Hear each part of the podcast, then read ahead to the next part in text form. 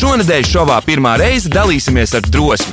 Runāsim par to, kā pārvarēt bailes, kompleksus un satraukumu, lai nostātos auditorijas priekšā, uzkāptu uz skatuves, publicētu video vai arī izteiktu viedokli. EHR studijā viesojas aktieris Jānis Kronis, digitālā satura veidotāja Alise, kā arī kultūras akadēmijas students Toms Samsons un dziedātāja Diona Liepiņa. Pirmo reizi skaties EHR YouTube kanālā vai EHR.FM sadaļā podkāstu. Raidījumu finansē Mēdīļu atbalsta fonds no Latvijas valsts budžeta līdzekļiem. Par raidījumu pirmā reize saturu atbild EHR.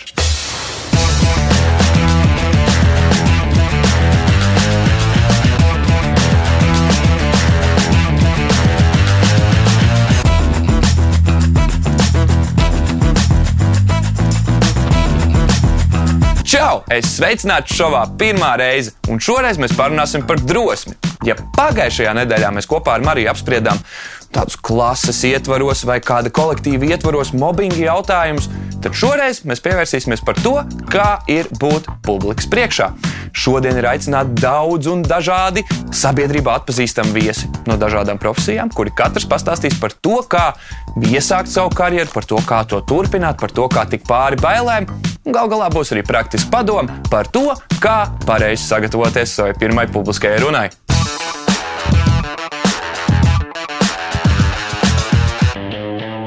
EHR studijā šodien mums ir forši un tādi nu, rītīgi populāri viesi. Kā pirmais mums ir neatkarīgās teātris trupas aktieris Jānis Kronis no teātris trupas Kvadrīfrons. Jā, uu, aplausiem studijā, aplausiem studijā. Tālāk mums ir Latvijas Kultūras Akadēmijas students Toms. Jā, Toms jeb, ir arī citiem vārdiem zināms, bet to tad jau lai viņš pats piesaka. Tālāk mums ir digitālā satura veidotāja, jeb baltā meitiņa Alise. Super! Un, protams, vienīgā neatkārtojamā dziedātāja Diona Liepiņa arī šodien ir kopā ar mums. Ļoti jauki, ļoti jauki. Nu, re, tātad šodienas tēma ir nedaudz atšķirīga no aizvadītās nedēļas. Aizvadītās nedēļas raidījumā mēs runājam par mobbingu, bet nu, tādā personīgā līmenī. To, ka tev tur klasē aprunā, apceļ, tas var notikt mēnešiem, gadiem, tā tālāk, tā joprojām. Uh, tad šodien mēs gribējām parunāt par drosmi, jeb par to, kā iespējams mēs katrs esam nonākuši uz skatuves, kāpēc tas mums ir bijis svarīgi, kā mēs esam kļuvuši par publiskām personām, kuras uh, bieži vien ir tā nedaudz vairāk zem lupas, ja, kur viņus mūs gan slavē, gan, gan, gan nopeļ, gan kritizē, gan viskaut kā citādāk. Un tad uh, galvenais jautājums ir, kā mēs tiekam pāri varbūt kaut kādām savām bailītēm, vai mums ir kaut kāda kompleksa, kā mēs esam nonākuši līdz šim tā tālāk. Tā projām.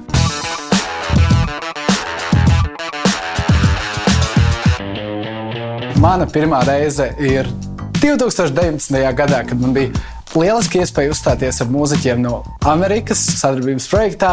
Bija laiks kāpt uz skatuves, mēs sākām dziedāt, un bija laiks manam pantam, un es atvēru muti, bet neko nevarēju nodziedāt. Tāpēc, kad satraukums bija tik pamatīgs, un izmaiņas pēdējā brīdī nāca tādas, ka neko nevarēju nodziedāt. Tāpēc man pateica vienkārši paldies par tukšu nodziedātu pantu.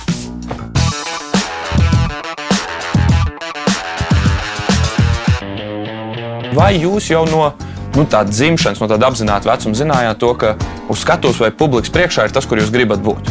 Jā. Jā. Super. Okay, tātad jūs uzreiz jau zinājāt, kā ar jums, puiši? Nē. Nē. Es laikam pievienojos meitenēm, man laikam arī. Nu, labi, nu tad, sā, tad sāksim ar Jānu. Jāni, kā tu nonāci no nē līdz uh, jā? Man liekas, vienkārši kaut kāds nejaušības princips. Tur nostrādāja vidusskolā, es vēl nezināju, ko es vēlējos darīt.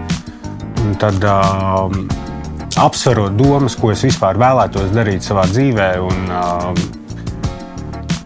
kafejnīcas pārdevējs rosināts, sakot, šitam ir jābūt aktierim, nolēma tam pievērsties. Tad es sapratu, ka tas ir, ka teātris ir tā lieta, ko es vēlos tiešām dzīvē darīt.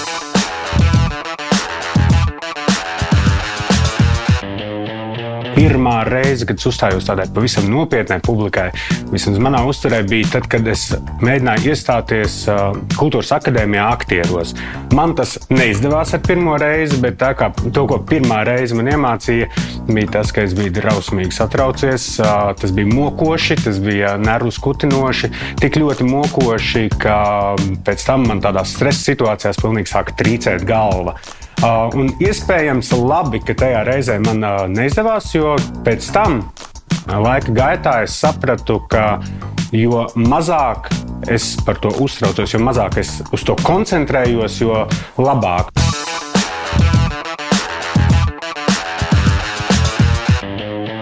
Kā tu varbūt uh, tiki galā, vai bija kaut kāda vilšanās sajūta pēc pirmā mēģinājuma, vai, vai, vai bija tāds, ka nē, šis ir mans mērķis, es iešu uz to un mēģināšu vēlreiz? Mm, vilšanās sajūta bija un pat krietna, un tāpēc, ka man kaut kādā ziņā sabruka tāds sapnis tajā mirklī, jo nu, es jau biju, protams, salicis tā, ka nu, tagad es pabeidzu skolu, tad es iestājos uzreiz akadēmijā.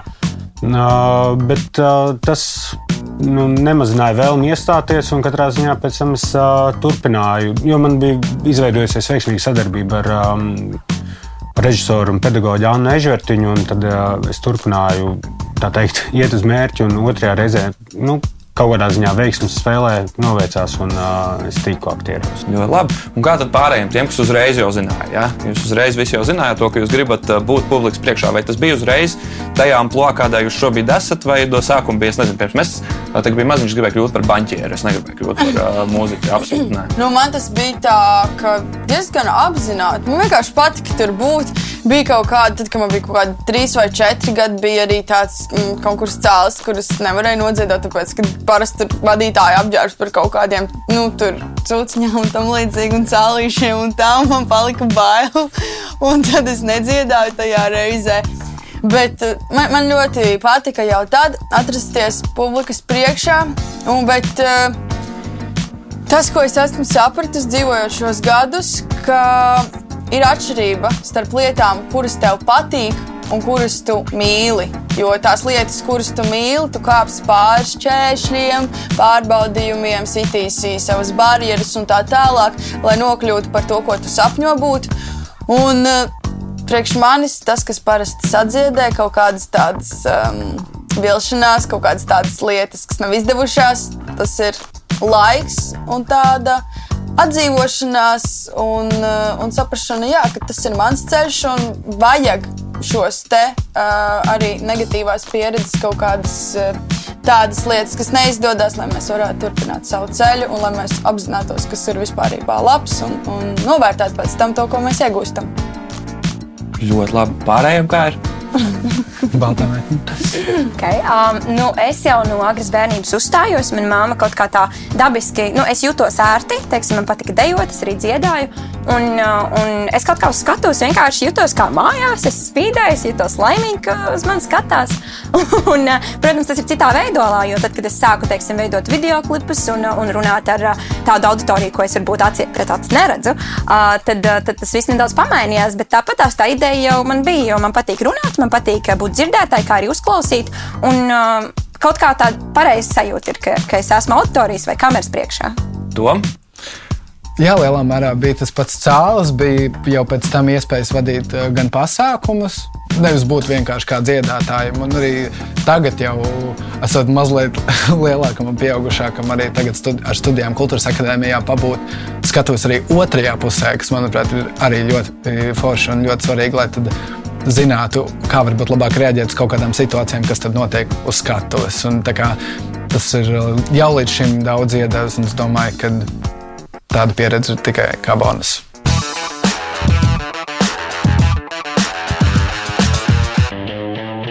Es savu pirmo YouTube video klipu publicēju 2015. gadā, kas ir pirms veseliem astoņiem gadiem. Um, es tagad, skatoties to, apmēram nojaušu, ka tas bija daļai tāpēc, ka man reālajā dzīvē nebija cilvēki, ar ko parunāt. Un es nemaz neapzinājos, ka to redz kaut kāda auditorija. Tā kā man bija tāda nemaz ne, neapzināta uzstāšanās, uh, bet nu, jau to ir redzējuši 2000 cilvēku. Un ar to arī sākās tāda mana sava veida YouTube karjera, jo tagad man ir vairāk kā 200 video klipi, kuri gan daļa ir privāti, bet uh, šis bija tas pirmais punkts, kas man pavēra mm, šobrīd jau ļoti daudz iespējas, un es patiešām nekādā ziņā to nenožēloju. Neskatoties uz to, kā tajā brīdī es nezināju, kā to kāds skatīsies.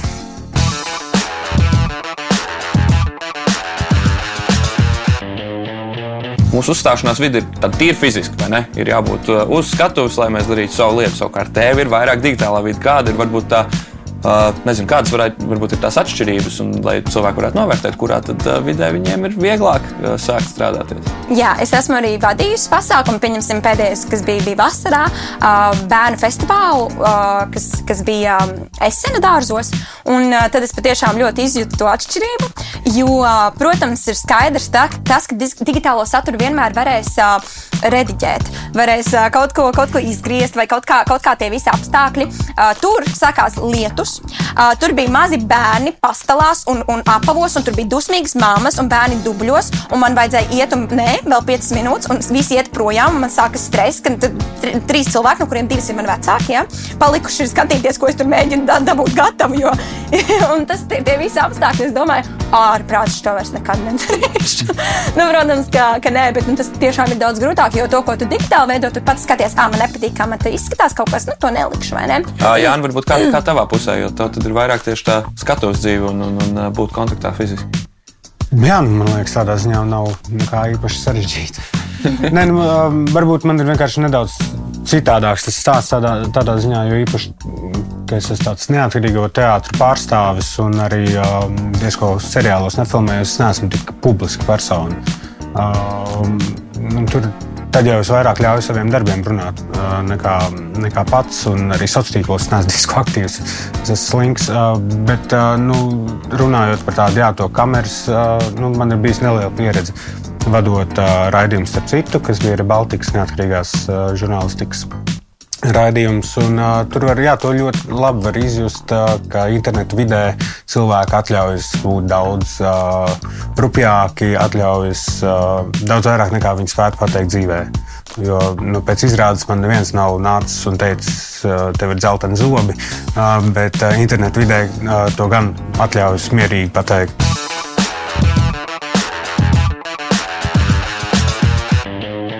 Daži komentāri no dziesmas liek štuku.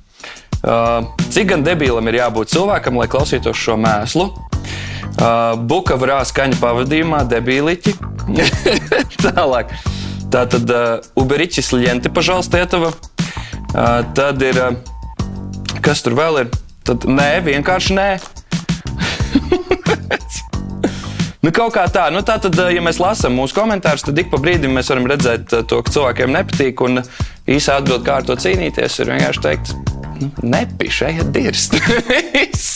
Paldies!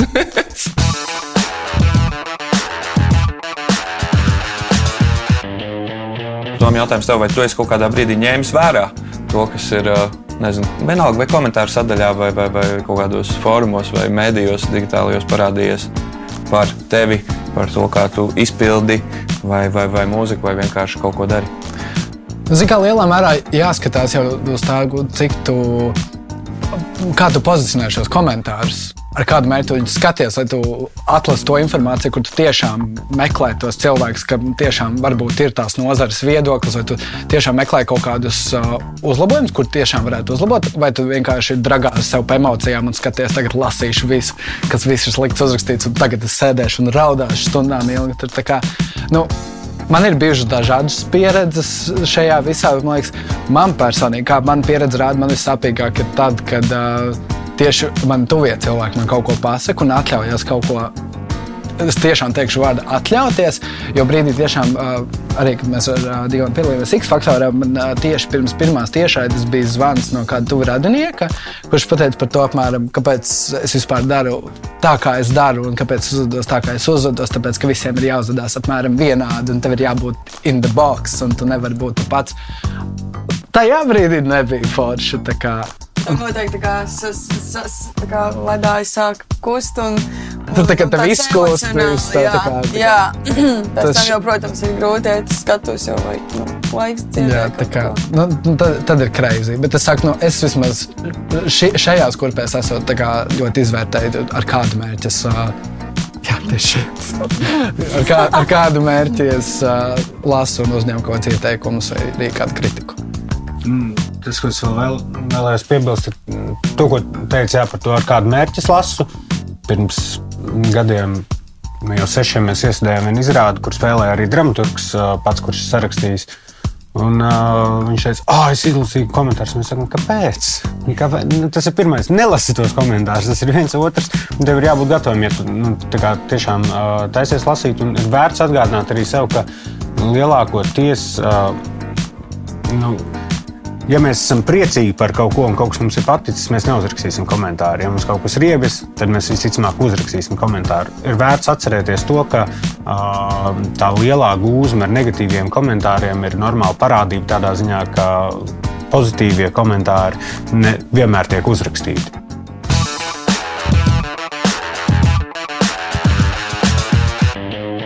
Pirmā reize mums bija tāda, to, ka mēs piedalījāmies skolas popielā, izpildot cover versiju dziesmai, kur dziesmas vidū, mēs izpildījām to visu skolas priekšā, mēs sapratām, ka uh, neskanēja taustiņš, uh, neskanēja ģitāra.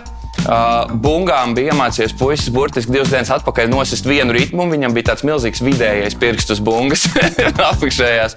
To mums lika aizlīmēt ciet, un uh, dienas beigās man joprojām ir šis video, uh, bet vairāk kā tāds motivators, uh, lai dažreiz pasmietos un lai dažreiz saprastu to, ka šitā, šitas bija diezgan vāji. Un, un, un, jā, un tad bija šie klases biedri, ar kuriem es mācījos kopā pamatskolā. joprojām laika pa laikam iemet kopējā čatā to video. Tāds, Jā, tu esi audzis. nu, kas ir, tas ir.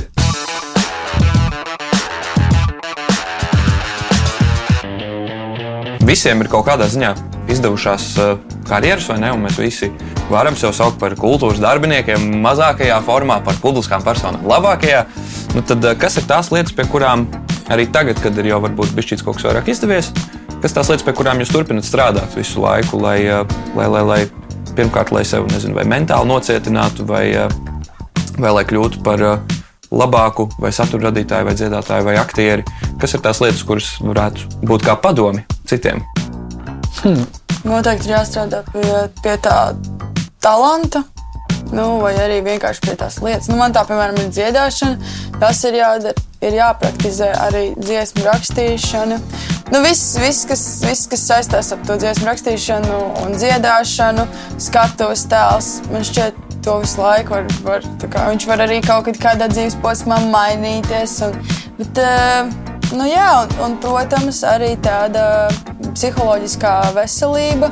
Un, uh, cik tu esi imūns pret visu pārējo, un cik tu pats vari panest, un ja tu vairs nevari panest, tad tev ir jādomā risinājumu tam. Un, uh, man šķiet, ka galvenais ir tas, ka nu, nevajag būt visu laiku tādā vienā. Jo man bija tāds posms, kad uh, nu, es nemācīju, nemācījos, un man nebija darbs, nekas. Es vienkārši no rīta līdz vakaram dragāju savas mūzikas lietas, tur rakstu dziesmas, sēžu pie datora, visu kaut ko tur veidoju saturu. Es jau jūtu, ka es reāli sāku bišķi prātā. Nu, tā kā aiziet too much. Jo man nebija kaut kāda kā, treniņa vai kas cits, kas uh, atšķaidītu to ikdienu. Un, un ir forši, ka ir lietas, kas atšķaida to ikdienu. Kaut vai, kaut vai suns, ko tev vajag izvest, vai ne? Kaut vai draugi, ar kuriem iziet, eh, pastaigāties, eh, jebkas, kaut kas, kas ir citādāk jā, no tā ierastā. Jā, es gribēju piekrist Dionai tieši to, ko tu minēji, par to vidas maiņu, jo arī personīgajā dzīvē nu, kā, tu vari strādāt rutīnā, bet tīpaši tās ir radošās nozares, cik ilgi tu vari pacelt to, ka tu piecelsies katru dienu, desmitos no rīta, tagad piecas stundas rakstīsi mūziku vai ko citu, tā katru dienu mākslinieks nu, kaut kā tas resurss. Nu, tie resursi apstāsies. Un, manuprāt, ir jā, ļoti svarīgi pamanīt to vidi un pamanīt arī intereses pēc vismaz personīgi arī cilvēks, kas ir tieši kaut kādā konkrētā laika posmā ar tevi. Jo, ja tu esi tādā vienā burbulī, līdz ar to arī savā ziņā neaudz, neprogresē. Tāpēc nu, vismaz personīgā pieredze rāda, ka ik pa laikam pamainīt vidi un pamainīt cilvēkus un pamainīt tos apkārtējos viedokļus arī palīdz augt kā cilvēkam. Nu, un, jā, tas ir mans ieteikums. Man jau šeit mums vispār visiem ir diezgan. Uh, Forši un patīkami iepazīt ka vēl, vēl kādu cilvēku no kultūras. Man, piemēram, ļoti patīk, jo savā ziņā tie ir domu biedri. Mēs varam tad apmaiņ, apmainīties ar tādām domām un par pieredzēm. Un tas ir ļoti interesanti gan uzklausīt, gan izteikties. Nu, es saku, ka ar uh, lielākajām veiksmēm ir jādalās, un ir jādalās arī ar lielākajām neveiksmēm. Tāpēc es uh, labprāt uzdot jums jautājumu par to, kas ir bijusi jūsu vislielākā izgāšanās. Bija kaut kādi man varbūt gadi 15, nu ne pārāk gudra. Uh, un, uh, un es kaut ko rādīju, kas ir manā telefonā, ne? Jo nu, cilvēkiem ir jāzina, kur atrodas katra aplikācija. Un, protams, ka viņiem ir jāzina mani kontakti. Tāpēc es uzspiežu uz savā telefoniņa un rādu, kādi ir mani kontakti. Un, protams, ka augšā ir Alisa Mankus plus 371 un mans numurs. Un, protams, ka šī gudrā meitene editojot pati, pati ar savām rokām. Nē, nē, nē nepamanīs to. Tāpēc viņa publicēja un sākās. Halo, Alise! Halo, te zvana kāds no turienes. un es vienkārši, man likās, jutos kā tāda Lady Gaga. Man patiešām bija ļoti grūti ar šiem visiem tālruņa zvaniem sadzīvot. Tāpēc es teicu, tēti, jums jānomā numurs. Esmu pārāk populāra. Jā. Tev tagad ir cits telefona numurs. Mm, es domāju, ka jā. es uzticēju teikt rokās, bet vēl, vēl neesmu saņēmis jā, vairāk. Tad... Pārējiem. Raudājis skatos, salūzu. bet nesen tas atkārtojas. so, bet, uh, nu, man šķiet, ka ir jānotiek tādām lietām, jo tad tu saproti, ka tev joprojām tas ir svarīgi. Jo tāds uh, ir forši, tāds, tāds čilīgais maudiņš, ka tu to ieslēdz on, off, on, off. Uh, bet es tā reizēm varu ieslēgt, reizēm nedarbojas. Un, jā, tad notiek kaut kas tāds negaidīts. Tas ir ok, just. Tas ir, man liekas, arī Tas ir skaisti. emocijas. Jā, Jā, jā es- izjust emocijas patiesi. Un me, ne, ne, neuzslēpt vienmēr, man liekas, skaisti. Jā, mēs esam cilvēki.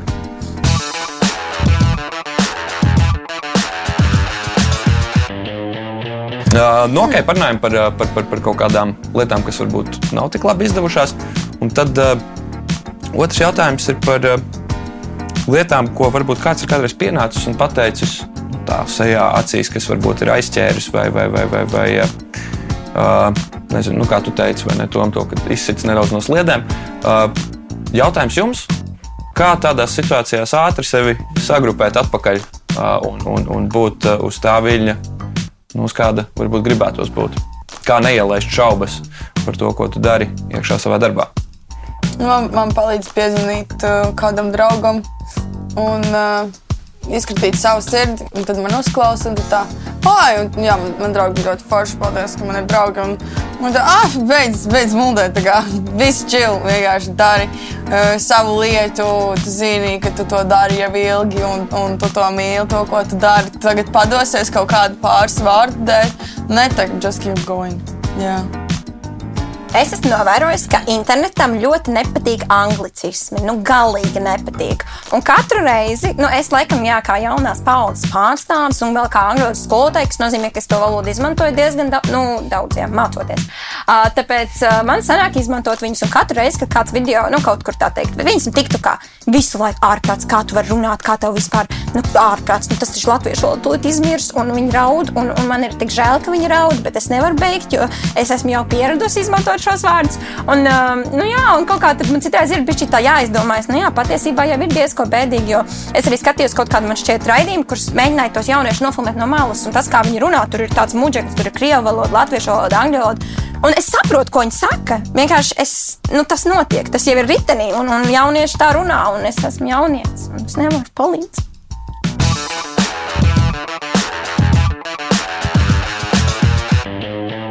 Kādi pieci praktiski padomi pirms kāpšanas publikas priekšā, kurus uh, izdarīt, lai tev izdotos tas, ko tu esi paredzējis? Vai prezentācija, vai, vai, vai video uzņemšana, vai dziedāšana, tā tālāk. Tā Kas ir pieci praktiski padomi no tevis kā no profesionāļa?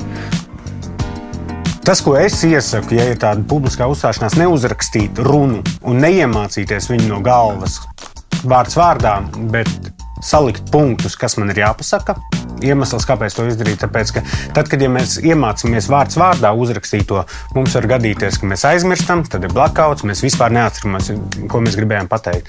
Savukārt, ja mums ir tie punkti, mēs zinām, kas mums jāpasaka, es varu vienu un to pašu lietu pateikt daudz dažādos variantos. Tāpēc mums droši ņemam, ja mums ir nepieciešams šo plānu, lapiņu līdzi. Neviens par pir pa pirkstiem nesiķ, ja tev ir lapiņa, kur tev ir atzīmēta punkti. Uh, otrs, uh, droši vien uh, Var veikt kādus dikcijas vingrinājumus, gan ātrunas vingrinājumus, gan arī bezskaņas, ir dažādi vingrinājumi. Galvenais, ko es vienmēr saku, no sākuma precīzi, pēc tam tikai ejam tempā. Ātrunas vingrinājumi nenozīmē, ka viņi obligāti ir jāizrunā ļoti ātri.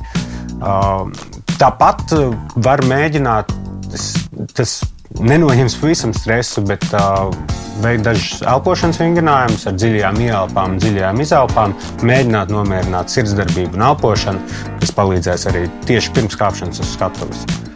Un uh, būt pārliecinātam par to, ko dara.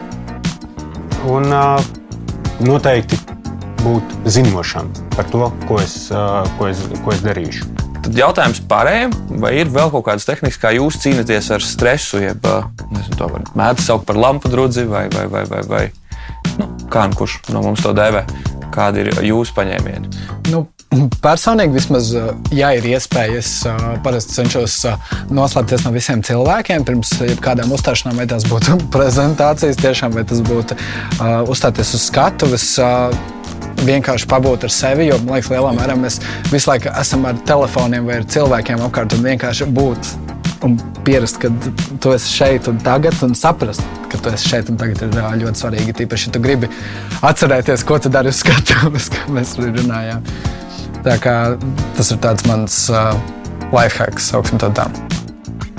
Es saprotu, pajautāju par to, um, vai man ir ko zaudēt? Mm, Nu, īsti nē, ja kaut kas sajūgs, cik procentuāli daudz es kaut ko pazaudēšu. Nu, tas nav tāds dzīves. 7%. 7,6. Jā, nu, tā kā, vai tas ir dzīves un nāves jautājums? Nu, kā, cik procentuāli tas ir tā, tāds, vai kā es tam pārkāpšu pāri, ja nu tā notiks kaut kā. Savā ziņā cenšos kaut ko nedaudz ekspektēt. Tad nu, lielākoties tie secinājumi ir vienādi. Kā, hmm, Principā man nav ko zaudēt. Vienīgais, ko es varu izdarīt šajā situācijā, ir izdarīt visu, ko es varu izdarīt. Jo nu, es dzīvoju vienreiz. Viss. Man šķiet, ka ir ļoti lieliski apkopots viss, ko, ko vien var pateikt. Man arī patīk, ka var piebilst tā ar sevi. Man ļoti patīk skatīties spogulī, skatīties, kā es kustos, saprast, kā labāk, jā, kā labāk. Nē, uh, es, es, es nezinu, man liekas, jā, tas arī ir apmēram viss. Nu, tas, ka mēs esam šeit uh, salasīti ļoti varbūt, dažādi uh, publikas priekšā cilvēki, tāpēc es gribēju uzdot citādāku jautājumu par uh, to, kā atrast sev piemērotāko lietu, kur būt kaut kādu nozari vai uh, pieeju, vai kas tieši es vēlos būt. Nu, Reiķināsimies ar to, ka mūsu pārstāvā skatās jaunieši. Varbūt kādam no viņiem ir rītīga ambīcija, to, ka es gribu būt, uh, es gribu būt publikas priekšā, bet es īsti nezinu, ko tieši es gribu darīt. Kā, kā varbūt palīdzēt nolemt? Nu, šeit ir jāeksperimentē. Jā, jo, piemēram, ar dziedāšanu, man visu laiku bija tā, ka tā kā, es zinu, ka es gribu dziedāt par žanru. Kurš paklausīties, zina, kā tur džēza, tur funky mūzika un citus žanrus, un operu reizēm vai ne. Un tad, bet es, bet es zināju, es visu dzīvi biju dziedājis estrādes mūziku. Tas ir līdz 16 gadu vecumam. Jā. Un tad es iestājos mūzikas vidusskolā, un es iestājos uz akadēmisko vokālu, kas ir opera mūzika. Tā kā tu mācies operu, un tas, tā, tas, tas, nu, tas nav kaut kas tāds, ko es kā, gribu darīt ikdienā. Nu, laikam negribās tā runāt, tā kā no augšas. It kā tu visu laiku žāvātos. Un, tad man bija tāds, tā, ir jā, ka kaut kas jāizdomā. Es nomainīju nodaļu. Paldies skolai. Es pārgāju džēzi nodaļu. Nu, re, kur visi plašā teorija, nu tik būs. Nu, protams, ir pusgads nokavēts, tu pēc tam velcies tā kā bez vienas kājas tos visus pārējos gadus.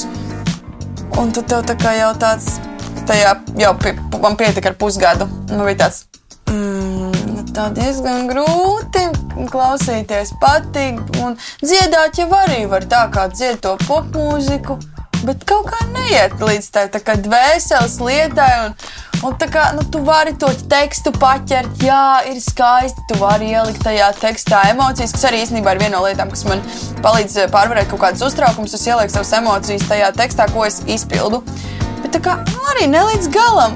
Es saprotu, ka kaut kas nav atvērts. Tātad vien, viena pieeja ir eksperimentēt, vai ir jā. vēl kaut kāda varianta, kā vēl aptaustīties. Nu, piemēram, tūlītās būs ēnu diena, vai ne? Un es zinu, to, ka mēs kā grupa esam paņēmuši ēnotājus, lai parādītu to, cik ļoti patiesībā mums ir garlaicīga ikdiena. Uh, vai, vai ir vērts kaut ko tādu darīt, vai ir vērts uzreiz stāties iekšā un kaut ko mācīties, kā Diona teica. Reku, piemēram, Tom, tu sāki no dziedāšanas, un tagad mm -hmm. tomēr es nolēmu studēt. Kas ir tās lietas, kuras palīdz? Manuprāt, vienkārši ir arī tāpat kā īpaši jauniešu dzīvēs, mēs mēdzam satikties ar jauniem. Citiem jauniešiem, vai mēs mēdzam vienkārši doties uz kaut kādiem citiem pasākumiem. Liekas, ja tu apmēram saproti, Uh, kas ir tas virziens, kuru tu gribi iet? Vismaz es tā šobrīd daru, kad es arī apmeklēju tādu tipu pasākumu, lai iepazītos ar tādiem cilvēkiem un arī saprastu, kāda ir viņa ikdiena un vai tas ir tas, ko es gribu. Jo es neesmu pateicis, ka es stāvēšu skatos priekšā vai skat, stāvēšu skatos aizmugurē. Man patīk abas lietas, un es, ja godīgi, vēl joprojām tās tos, kas ir. Pirms iziešanas tāpat jāstāvēs. nu, tieši tā, tā kā varbūt tā arī vēl ir opcija. Tā kā you never know. Tā kā, man, manuprāt, tā kā ir vienkārši jāatrod tie savi domu biedri, un tad jau arī redzēs, vai tev patīk tā, tās sajūtas un tā noskaņa tajā visā. Un, manuprāt, ja tas būs, tad jau arī pats sajūtīs, kā būs. Es domāju par to, ka tev darbs ir kā, katru reizi tāda kā ēnošana, ne? jo tev visu laiku ir kaut kāds um, kaut kāda pieredze krājas. Apmēram. Katru dienu šobrīd ir kāda. ļoti labi. Katru dienu kā ēna diena, tad eksperimentējam, turpinam justies ērti tajā, kur uh, esam, elpojam, koncentrējamies un teikšu jums paldies par sarunu. Es biju ļoti produktīvi.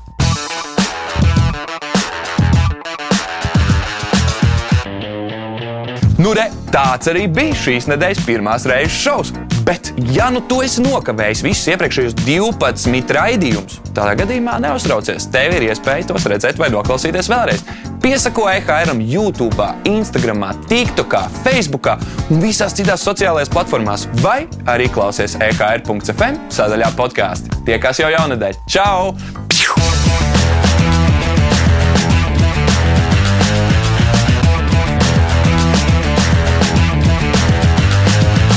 EHR studijā viesojas aktieris Jānis Kronis, digitālā satura veidotāja Alise, kā arī kultūras akadēmijas students Toms Samsons un dziedātāja Diona Liepiņa. Pirmo reizi skaties EHR YouTube kanālā vai EHR.FM sadaļā podkāstu. Raidījumu finansē Mēdīļu atbalsta fonds no Latvijas valsts budžeta līdzekļiem. Par raidījumu pirmā reize saturu atbild EHR.